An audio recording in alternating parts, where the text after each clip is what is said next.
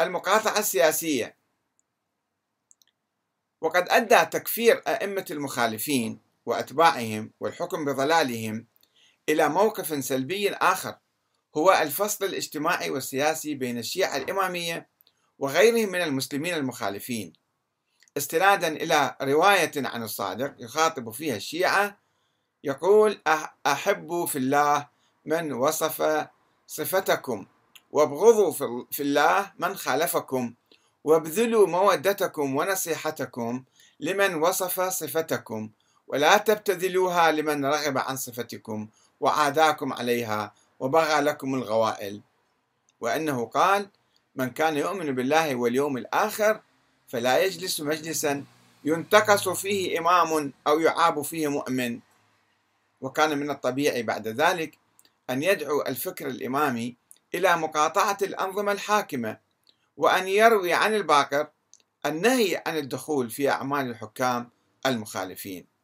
هذا طبعا كل المصادر مذكورة في كتابي التشيع السياسي والتشيع الديني وأنا أحاول أن أختصر هذا الموضوع. ثلاثة المقاطعة الاجتماعية. وإذا كانت مقاطعة الظالمين مفهومة ومعروفة عن أئمة أهل البيت فإن الإمامية رووا عنهم أيضا روايات أخرى تأمر بمقاطعة المخالفين اجتماعيا.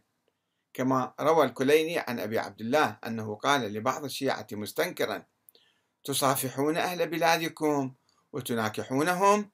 أما أنكم إذا صافحتموهم انقطعت عروة من عرى الإسلام وإذا ناكحتموهم انهتك الحجاب بينكم وبين الله عز وجل.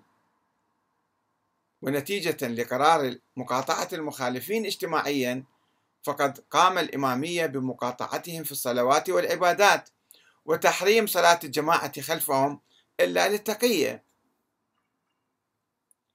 وقد أدى موقف المقاطعة الاجتماعية ببعض الإمامية إلى تحريم الزواج بين الطرفين كما يقول الشرازية هذه الأيام. وروى الكليني مجموعة روايات بهذا المضمون.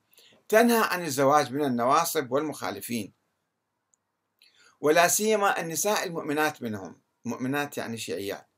كما عن الفضيل ابن يسار قال قلت لأبي عبد الله إن لامرأتي أختا عارفة على رأينا وليس على رأينا بالبصرة إلا قليل فأزوجها ممن لا يرى رأيها؟ قال لا ولا نعمة ولا كرامة. إن الله عز وجل يقول فلا ترجعوهن إلى الكفار. لا هن حل لهم ولا هم يحلون لهن. استنتاج غريب عجيب يعني. وروى الكليني حديثا عن أبي عبد الله يبرر ويفسر تزويج الإمام علي لابنته أم كلثوم من عمر بن الخطاب بالاغتصاب والإكراه ويقول إن ذلك فرج غصبناه. أربعة المقاطعة الاقتصادية. وتناقل الإمامية أحاديث عن أئمة المذهب بوجوب مقاطعة الشيعة لمخالفيهم اقتصاديا وخصوصا في موضوع الزكاة وتحريم دفع الزكاة للفقراء المخالفين من أهل السنة يعني. ووجوب إعادة إخراج الزكاة مرة ثانية إن تم وضعها في غير موضعها. خمسة الانطواء وتعزيز العلاقات الداخلية.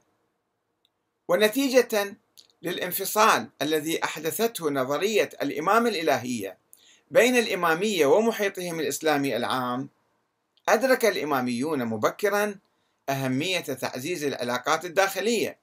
فنقلوا عن الباكر قوله لأحد أصحابه يا خثيمة أبلغ من ترى من موالينا السلام وأوصهم بتقوى الله العظيم. وأن يعود غنيهم على فقيرهم وقويهم على ضعيفهم وأن يشهد حيهم جنازة ميتهم وأن يتلاقوا في بيوتهم. فإن, لقي فإن لقي بعضهم بعضا حياة لأمرنا. رحم الله عبدا أحيا أمرنا. ونقلوا عن أبي عبد الله الصادق أنه أوصى الشيعة بالتزاور والمحادثة والتبري والتولي. وقد لعبت هذه الأحاديث المفبركة والمنسوبة لأهل البيت والوصايا بمقاطعة المخالفين عباديا وسياسيا واجتماعيا واقتصاديا ونفسيا وتعزيز العلاقات الداخلية الشيعية. لعبت كل هذه الأحاديث دورا كبيرا في تشييد الكيان الطائفي الخاص للشيعة وفرض جدار من العزلة حولهم وتحويلهم من طليعة سياسية تناضل من أجل مصالح الأمة العامة في الحرية والعدالة والشورى إلى مجموعة خاصة منطوية على نفسها وتتبادل العداوة والبغضاء مع الآخرين. ولكن طبعا هناك تطور كبير في ما يسمى الآن بالشيعة الإمامية. هذه هي نظريات قديمة و يعني أحاديث قديمة ولم يبقى الآن من الشيعة إلا الاسم في الحقيقة الشيعة الإمامية خصوصا بعد إيمانهم بالنظام الديمقراطي وانفتاحهم وأنا متأكد جدا أن معظم الشيعة إذا لم أقل يعني كثيرا منهم آه، لا يعرفون هذه الأحاديث ولا يلتزمون بها ولكنها لا تزال تؤثر في الحقيقة في بعض فتاوى المراجع المعاصرين الذين نتفاجأ أحيانا بإصدارهم فتاوى آه، من وحي العزلة والانطواء والمقاطعة للآخرين. وهناك طبعا الآن عند الشيعة تيارات عديدة تيارات منفتحة وتيارات منغلقة. ليسوا سواء هناك تيارات معروفة كالتيار الشيرازي مثلا.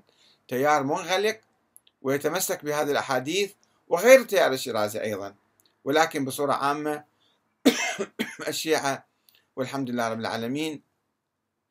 آه، لأن نظرية الإمامة الآن هي ما موجودة ونظرية تاريخية بائدة ومنقرضة ومستحيلة وغير موجودة. فالتطور الفكري السياسي الحديث عند الشيعة باتجاه الديمقراطية والوحدة الإسلامية والأخوة والمحبة مع عامة المسلمين آه، تجعلنا يعني نفرح لذلك ونؤكد على ذلك ونطالب التيارات المنعزلة أن تعيد النظر في هذه الأحاديث تجتهد فيها.